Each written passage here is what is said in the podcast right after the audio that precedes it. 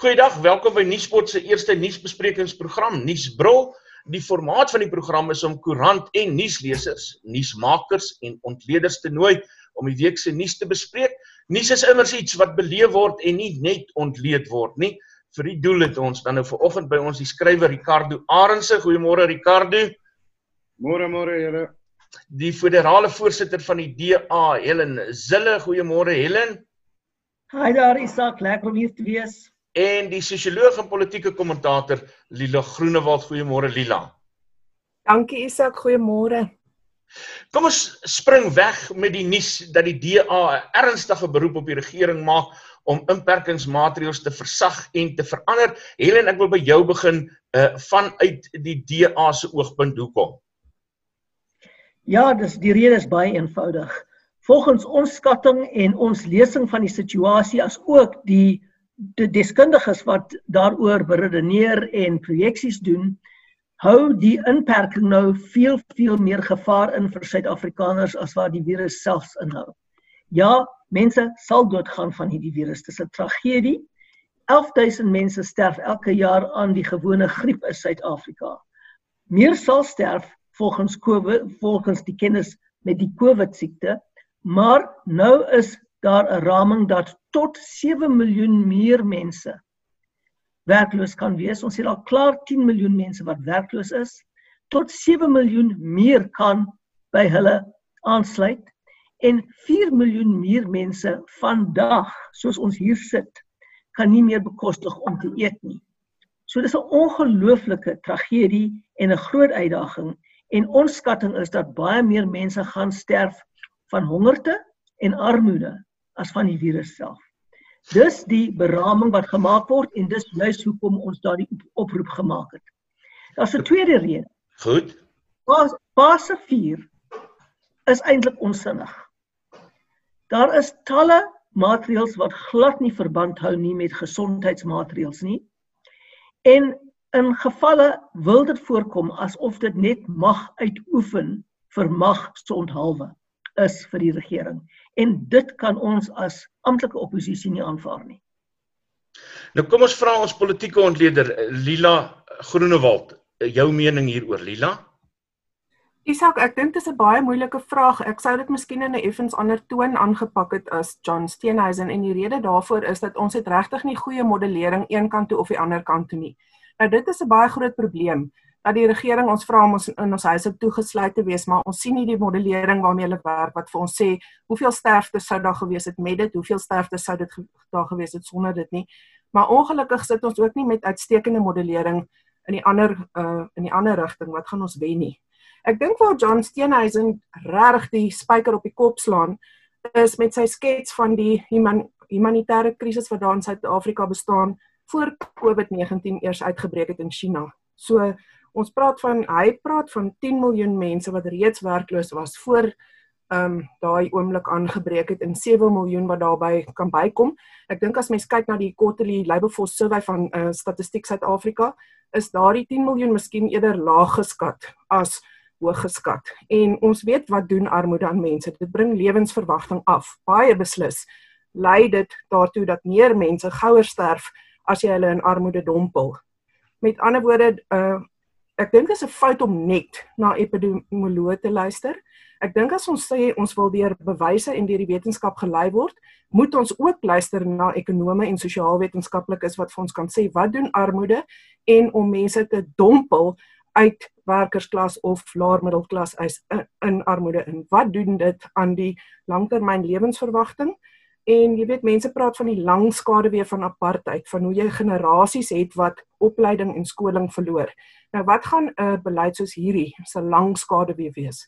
Wat doen dit aan kinders wat nou ewe skielik nie in die skool kan wees nie, nie ordentlike uh, voeding kan kry nie?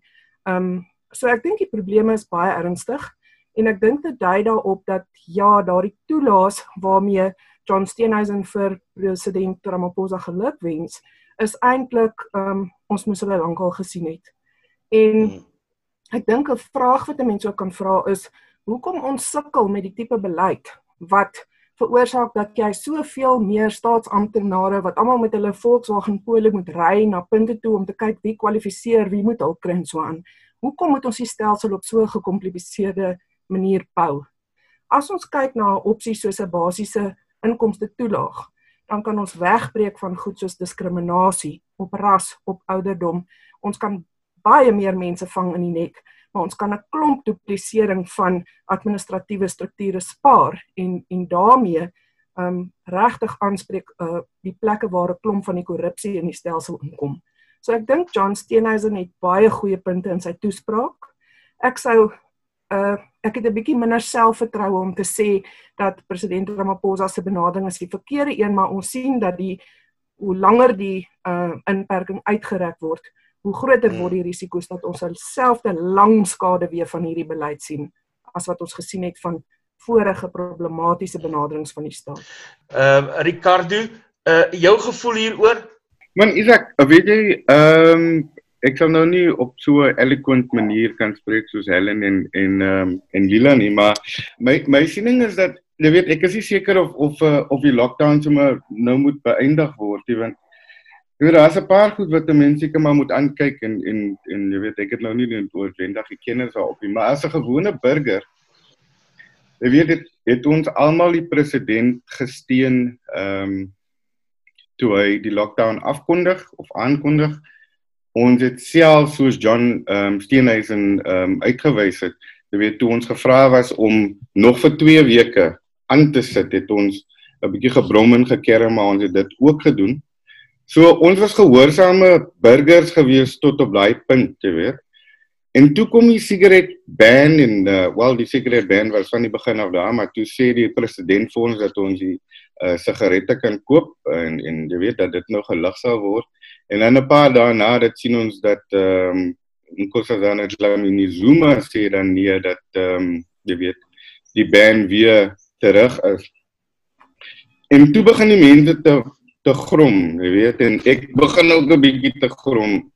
En wat vir my begin het as 'n uh, as of wat waar ek begin het as 'n gehoorsame burger, vind ek my um as 'n roker en ek um jy weet in die posisie waar ek nou die die wet moet breek om om sigarette te bekom. So ek is nou 'n ongehoorsame burger en dit maak my die mat is nou besig om aan die kante uit te rafel so 'n bietjie so langer ons aanbly. Ek wil vir Helen vra op hierdie punt wat Ricardo nou aanraak. Ehm um, ons het ook nou-nou gesê as so grappenderwys oor hoe mense uh wyn en so aan vervoer, skelm vervoer na hulle huise toe. Ricardo raak 'n baie belangrike punt hier aan Helen. Uh wil jy 'n stukkie kommentaar daarop lewer Lila? Jy kan ook sommer na Helen dan inval. Die grondliggende probleem wat Ricardo reg aanraak is ons vryhede en ons regte wat in die grondwet verskans is. Nou om dit prys te gee. Hulle is nie gunstes en gawes van 'n regering af nie. Hulle is regte wat verskans is in ons grondwet. Nou om dit prys te gee soos ons wel ingewillig het om te doen vir 'n kort tydperk omdat ons nie geweet het wat op ons wag met hierdie virus.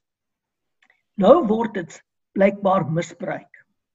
Daar's geen hoegenaamd geen verband tussen hierdie lukrake optrede deur ons regering nie en die voorkoming van COVID en die gesondheids onderliggende aspekte daarvan nie. Dit word net lukraak gedoen en mens kan verstaan hoekom aan die begin ons ons hospitale vry wou gehou het sodat mense met trauma nie die sale volpak nie, maar dat ons reg is vir COVID, dit verstaan mens. Maar naderhand word hierdie verbanning iets wat meer kommer en meer wetsongehoorsaamheid berg as wat dit probleme oplos. En ons het nou daardie stadium bereik. As daar nie 'n baie lynregte verband hou tussen die maatreëls wat die regering neem en die gesondheidssituasie kan dit nie regverdig word in 'n regstaat nie. Want ons regte is nie gunstes en gawes van 'n regering af nie. Hulle is verskanste hmm. regte in 'n grondwet waarvoor baie baie mense gesterf het en baie opgeoffer het. En ons moet reg nou terugkom na die grondwetlikheid van 'n regstaat. So Lila mag ons in hierdie uh, geval nou die wet breek Uh mag. Um Laat ek dit so stel, ek ek is 'n bietjie versigtig om die tabak en die alkohol sommer in te gooi by al ons ander regte. Want ek dink in hierdie rampsituasie, uh soos Helen ook erken, daar was goeie redes gewees hoekom daar beperkings daarop is. Maar ek dink weer eens wil ek sê kom miskien luister ons na 'n te uh, eng groep wetenskaplikes want uh, ja terwyl ons weet dat alkohol en tabak besig is om 'n baie groot impak te hê om die mediese personeel te help in hospitale. Aan die ander kant wys die navorsing internasionaal baie duidelik vir ons as dit kom by dwelms en kom hierdie is dis twee dwelms. En daar's nie eintlik onlangs 'n uh, internasionale poging aangewend om een van die twee skielik nie heeltemal te verban nie maar daar's 'n klomp ander navorsing oor ander dwelms wat vir ons baie duidelik sê dat prohibisie is nie die mees effektiewe benadering nie. Dit is dit werk baie meer effektief om um om mense vrye toegang te gee tot die uh dwelms van hulle keuse en dan die bevolking in die regering se vertroue te neem en 'n uh, 'n uh, 'n uh, veldtog van openbare bewusmaking te hê rondom die gevare wat aan sekere dwelms gekoppel is. So ek dink dis 'n bietjie meer gekompliseer as die ander vryhede. As dit kom by ander vryhede, dink ek dit is baie belangrik wat hulle noem dat die regering moet verstaan dis nie gunste nie en 'n mens hou nie van taal hmm vanaf ministers wat dit laat klink asof ons uh vryheid op beweging byvoorbeeld 'n guns is wat die regering ons doen nie. Die bevolking behoort in die regering se vertroue geneem te word met ordentlike navorsing en modellering. Wat is die wat wen ons met 'n spesifieke hmm. benadering en wat gee ons prys sodat ons kan deel wees van die demokratiese besluitnemingsproses? Helene, ek wil teruggaan na jou toe. Ehm um, saam met dit wat ons nou bespreek het, kom die nuus dat die ANC wil hê die Wes-Kaap uh moet nou teruggaan vlak 5 toe. Ek het gister met Ellen Windy in 'n baie kort onderhoud gepraat. Hy het gesê dit gaan nie gebeur nie. Um 'n stukkie kommentaar van jou kant af ten opsigte van hierdie saak. Dis absoluut belaglik. Dis absoluut belaglik. Wat mense nie verstaan nie, is dat as 'n pandemie kom, moet hy sy gang gaan. Ons kan dit vertraag deur lockdown byvoorbeeld. Maar ons kan dit nie verhoed nie en ons kan dit nie stop nie. En die wetenskaplikes is, is dit eens dat dieselfde getal mense dit gaan kry met lockdown of sonder lockdown. Maar jy sprei dit net weier uit oor 'n langer tydperk sodat jou gesondheidsdienste wel in staat gestel is om dit te kan behandel sonder dat dit heeltemal oorweldig word. So dit is die doel. Dit beteken nie dat minder mense op die ou end die virus gaan kry nie. It flattens the curve. Dit hmm. plat die kurwe af. Maar dit beteken nie dat minder mense sal dit op die ou einde kry nie. Ja. Jy kan dit nie stop sit nie. En dit beteken ook nie dat minder mense gaan sterwe van COVID nie. Omtrent dieselfde getal mense gaan ongelukkig en tragies doodgaan. Maar kan jou gesondheidsdiens dit hanteer?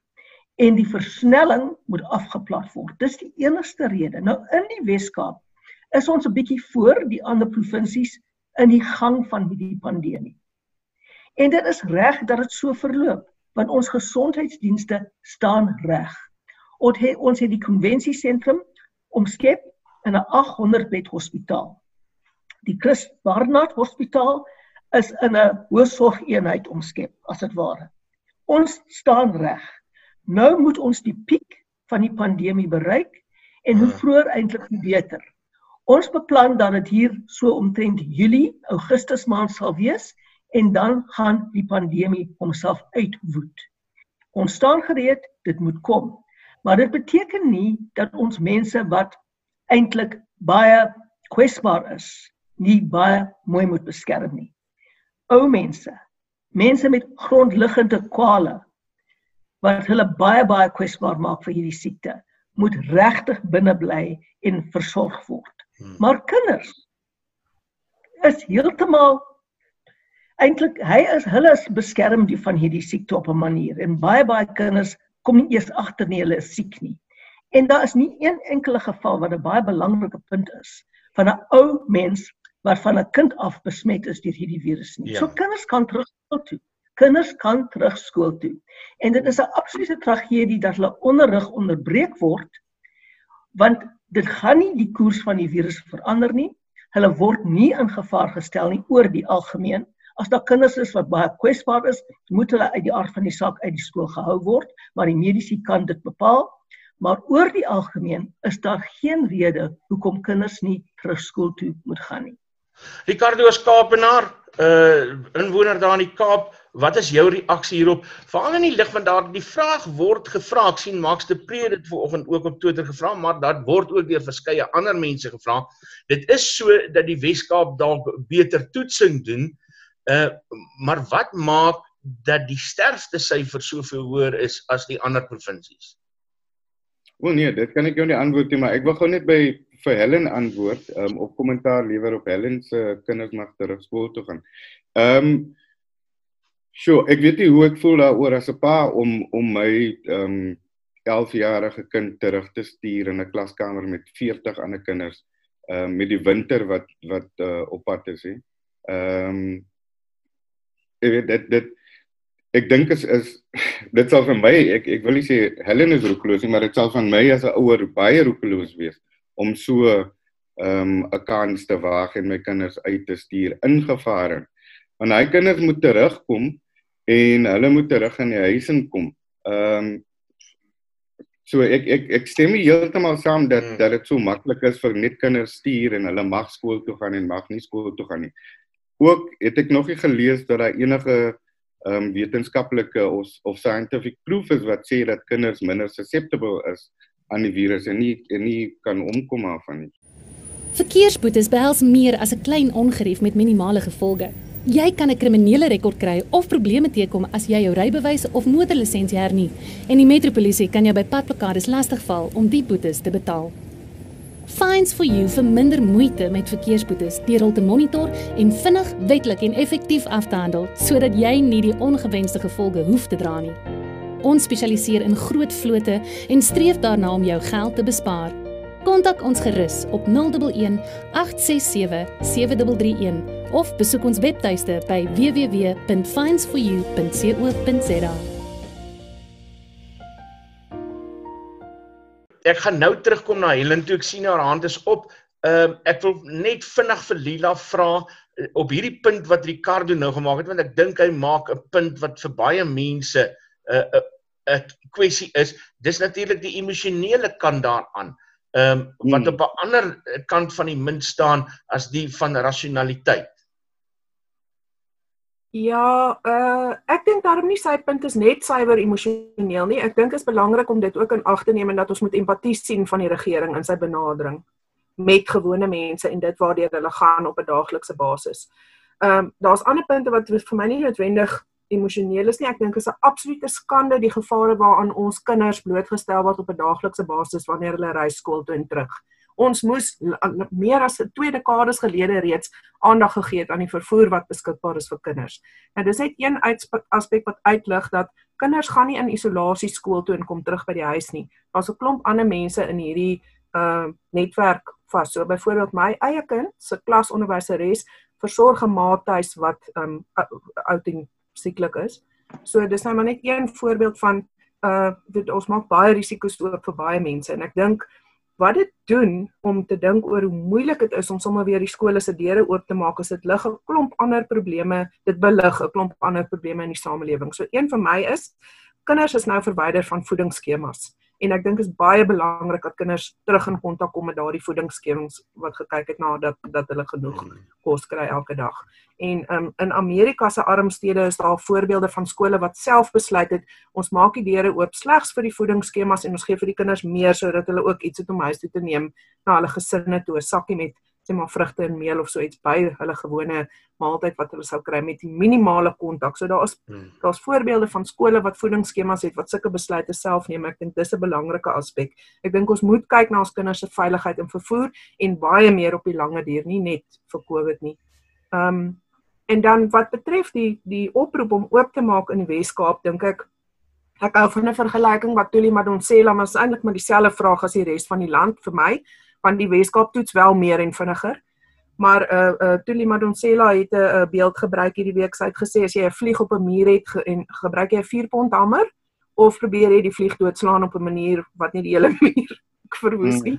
Ek dink miskien is die vlieg 'n bietjie bietjie van 'n klein vergelyking om te gebruik met COVID. Natuurlik COVID-19 uh, hou baie groot gevare in, maar maar kan ons kyk na 'n beter benadering as die totale lockdown? Kan ons kyk na 'n uh, 'n uh, veiliger inkrementele teruggaan skool toe, maar dan ook hierdie probleme wat belig word wat eintlik baie langer as COVID-19 saam met ons kom. So die voedingsskemas is nie iets wat mens sommer net kan wegruk uit 'n gemeenskap nie. Veilige vervoer vir kinders skool toe is iets wat altyd daar gestel behoort te wees. Um, ek wil hê ons moet nou weer iets daaroor sê net vinnig teruggaan na Helen toe. Kan ek net verbyvoeg en die oh, laaste belang ja. internet. Die internet is nie beskikbaar in ons arm gemeenskappe nie en as dit daar was, was dit baie makliker om hierdie probleem te hanteer. Ja. Om om bewussyn te kweek. Ja, en om inligting by kinders uit te kry. Goed. Helen, jy het jou hand opgesteek kommentaar? Ja, um, oor twee sake. Niemand wil jou kinders in gevaar stel nie en ek wil beslis dit nie doen nie.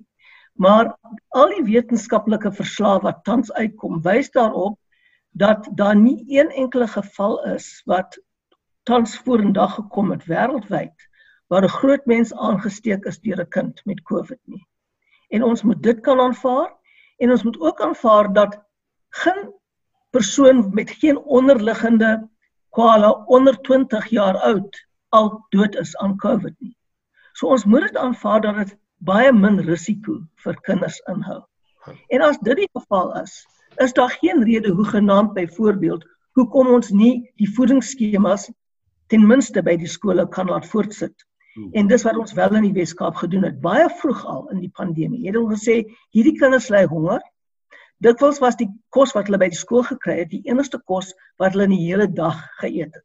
So ons kan nie nou sit en toesien dat hierdie kinders gaan honger ly oor hierdie tydperk. Ons maak die voedingsskemas oop.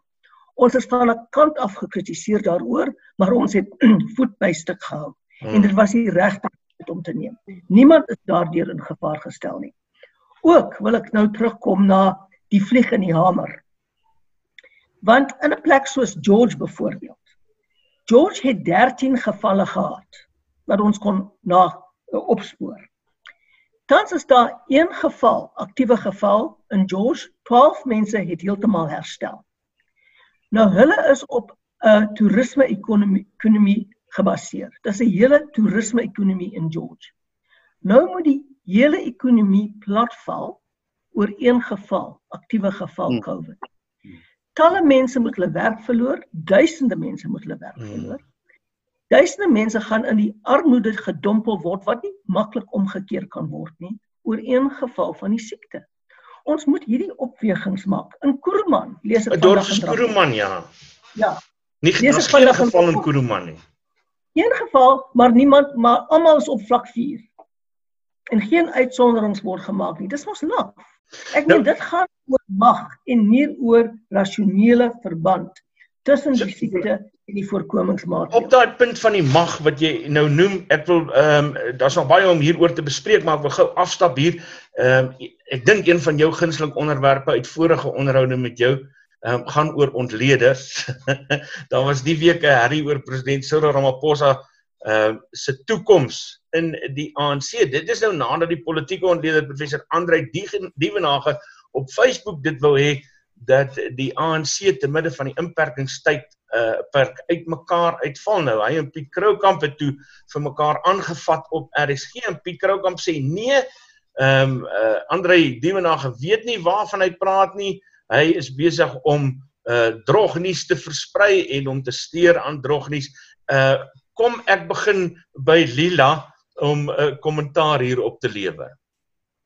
Ja, uh Isak, uh ons sal fokus as die ontleder nie die nuus is nie, maar die fokus bly op die nuus, nee. Nou uh ek is ja, ek ek dink uh, president Ramaphosa staan al hoe sterker en daar is baie goeie redes daarvoor. Ons sien 'n groot matigheid uh mate van gewilligheid van uh, gewone mense om saam te werk met baie ernstige beperkings op hulle vryheid. Dit kwyn wel oor tyd en dit kon ons verwag het, maar hoekom is daar hierdie groot aanvaarding? hy's in 'n baie baie sterker posisie as sy voorganger wat betref luister na wetenskaplikes. Ehm um, ag ek ek bedoel as sy voorganger president Mbeki. En dis 'n dis 'n aansienlik beter benadering om na mediese wetenskaplikes te luister oor 'n siekte as om speletjies te speel met uh alternatiewe idees rondom siekte. Um en dan natuurlik met die ekonomiese bestuur baie beter as sy voorganger. En um ek dink wat kort kom dan is om mense hoop te gee en um op hierdie stadium is geborgenheid en veiligheid is nie heeltemal binne bereik nie. Um ek dink nie daar so diskurs moontlik nie. So dan moet ons kyk na hoe kan ons hulle ekonomiese hoop gee.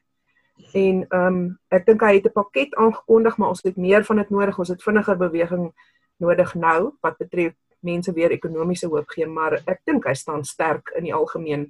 Ek gaan uh, jou daar stop. Ekskuus want ons tyd draak min en ek wil net vinnig weer terug gaan na Helen toe en Ricardo, dan kom ek na jou toe. Helen vanuit 'n uh, politikus se uh, sitplek af, jou kommentaar oor die saak. Ja, Ramaphosa uh, staan sterk, maar die ANC nie en dis 'n baie belangrike verskil wat ons hier moet uitwys. Ek die, die groot vraag bestaan nie of Ramaphosa hierdie COVID-19 pandemie gaan oorleef nie. Die vraag is kan die ANC dit oorleef en aan die mag bly? Die geskiedenis kennis wys vir ons dat die ANC se opwaartse en afwaartse neigings hang baie nou saam met die ekonomie. En tussen 1994 en 2004 het die getal mense in diens wat werk gekry het verdubbel en die ANC het in die hoogte ingeskiet wat sy ondersteuning betref het. Sodra die ekonomie draai, gaan die ANC se ondersteuning af. En hierdie is net 'n klein rukkie wat die pandemie duur. Oor 'n jaar, oor 2 jaar sal jy sien en die groot vraag sal wees, gaan die ANC aan bewind bly? En ek dink enigiets is moontlik ek dink die herskikking van die politiek is baie nader as wat ons sou gedink. Ricardo, jou mening hieroor as 'n uh, nuusleser, 'n koerantleser? Ek dink ek dink ons ons stem nog baie met ons harte, Isak. Ehm um, en dat dit baie moeilik sal wees ehm um, om vir iemand anders te te stem. Ehm um, en dit ek weet ons het dit al gesien. Ons ons het dit gesien deur die vorige ehm um, of by die vorige uh um elections het ons gesien dat die ANC altyd maar jy weet bo uitkom en dit maak eintlik saak vir die ou op die op die Jy weet as jy as jy nou kyk aan aan die Mandoni Township, ehm um, wat maar jy weet altyd met die minste klaarkom en en hy jy weet vir hom is is, is die belangrikste ding ehm um, as hy sy oë oopmaak, waar gaan ek die, die volgende stukkie brood ehm um, in die hande kry? ehm um, of hoe gaan ek werk toe gaan vandag. Ehm um, as die ou by hom kom aanklop by een wie vir hom die beste belofte maak, gaan die ou wees vir wie hy voorstem. Jy weet so en natuurlik meeste van die ouens in die township stem maar nou nog along racial lines. So so ek ek is nie seker of of die ANC of die ANC of die enigsins ehm um, miskien sal hulle afneem in popularity.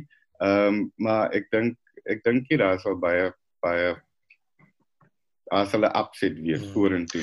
Wat sê die um, mense in die Kaap president ook president uh, um Ramaphosa is, is iets van 'n van 'n sweetheart, um jy weet.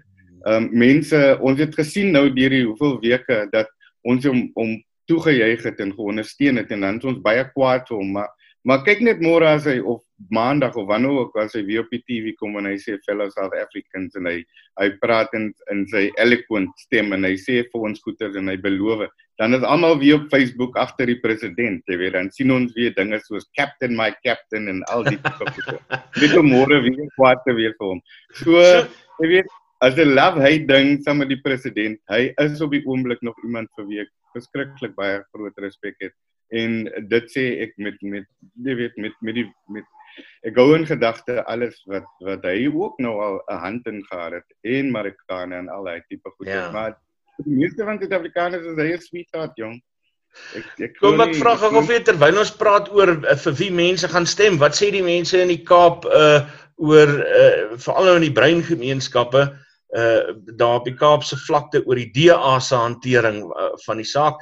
Is hulle nog uh, is daar mense wat nog lief is vir die DA Ek dink die mense is baie lief vir die DA. Ehm um, hier in die Kaap en en dit gaan my verstand te bowe. Ehm um, veral met die met die met JP Smith. Ja, uh, met JP Smith en Said Helen en dan en dan Plato se se doodskamp wat hulle in Strandfontein opgerig het. En dan dan ag nee man, ag nee Ja, man. Helen, dit Was jy daar gewees? Was jy daar gewees Ricardo? Was jy daar Ja. gewees? oh nee, ek was nie self daar nie, maar my ma Ja, se dan moet jy nie oordeel oor die nonsens wat in die independent newspapers geskryf word. kyk my ma is nou nie 'n joernalis nie, maar sy's 'n inwoner van Strandfontein en sy is nie iemand wie altyd nonsens praat nie. So ek glo maar Ja. haar. En dit is 'n doodskamp. I mean daar was 'n manier wat mense, groot mense met compromised immune systems waar hulle social distancing kon toegepas het. Ons het gehoor van gruwels wat daar plaasgevind het in daai kamp.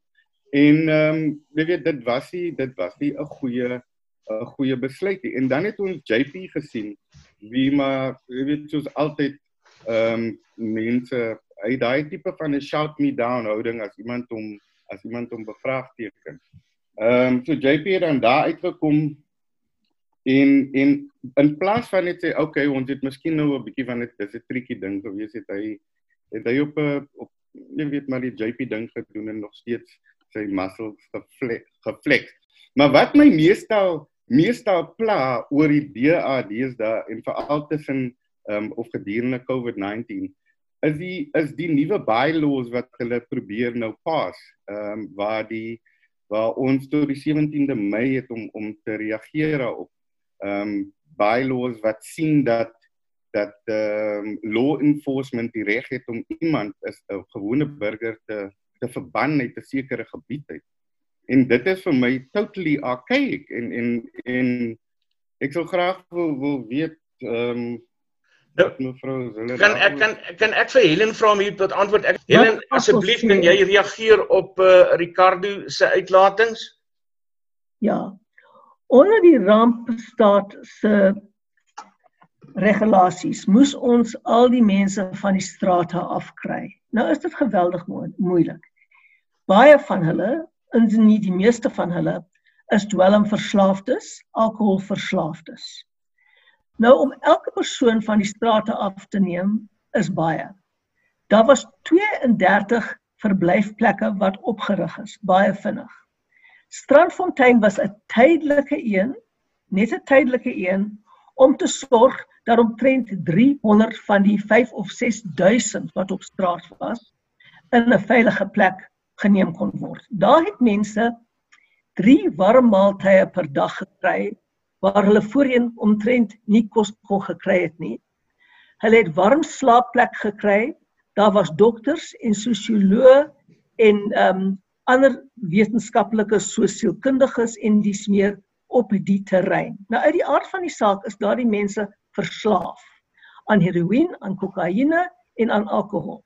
Hulle wou weggaan dan, want as jy verslaaf is, wil jy nie al het jy 'n warm slaapplek, al het jy 3 ma maaltye per dag, al het jy ondersteuningsdienste en mediese dienste, wil jy nie daar bly nie want jy is verslaaf.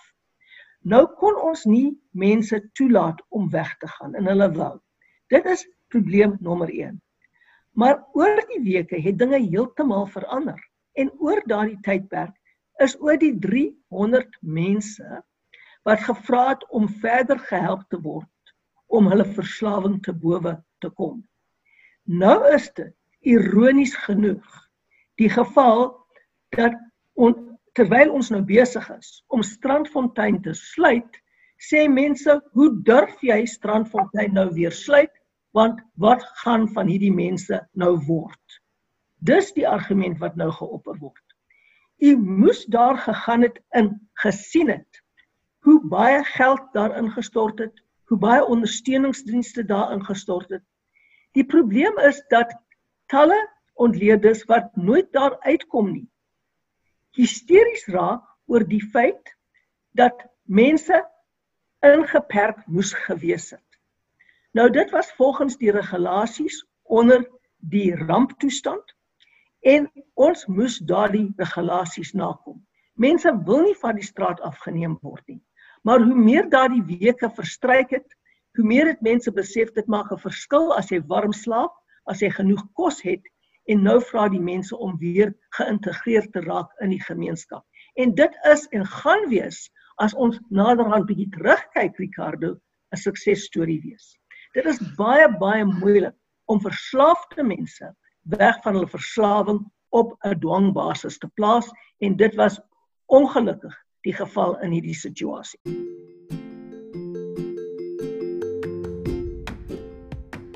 Jy luister na Nuuspot, die tuiste vir Afrikaanse stories agter die nuus. In die advertensie gleef Marike se sprokie deur Tosca de Villiers is 'n liefdesroman wat jou laat vergeet van virusse, inperkings en 'n kwynende ekonomie en jou wegvoer na 'n wêreld van liefde, hoop en gelukkige eindes. Dit vertel die verhaal van Marike wat haar hart op die aantreklike Dr Leon Bosse verloor. Gaan die twee bymekaar uitkom? Jy kan die boek tot einde Mei gratis op Kindle Unlimited lees om uit te vind. Terug na ons program.